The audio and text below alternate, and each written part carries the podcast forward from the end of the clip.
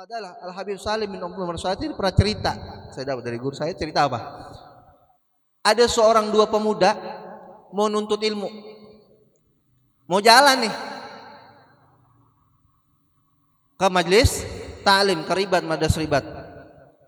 Mau jalan karena kemarin dengar bahwasanya ajnihatanya malaikat tuh, sayap-sayapnya malaikat itu terbentang buat kita.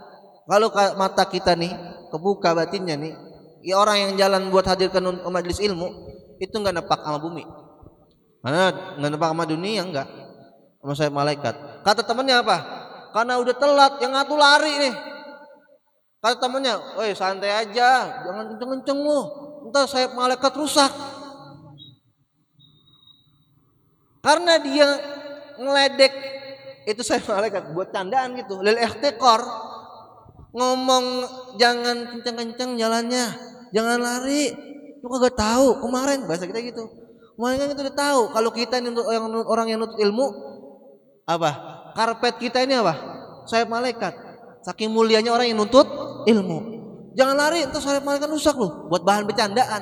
Apa? Seketika itu orang yang niat ngeledekin temannya yang emang bener-bener lagi sungguh-sungguhnya takut telatnya kelam apa kelamaan telatnya gitu dia buru-buru lari dibilang begitu. Seketika tuh orang yang ngeledek ngomong jangan, eh jangan kenceng-kenceng saya malaikat rusak loh, saya malaikat rusak loh. Apa? Seketika Allah buka hijabnya, dia lihat itu saya malaikat ngebentang di bawah kaki temennya. Buta itu orang gila mati dalam keadaan apa? Su'ul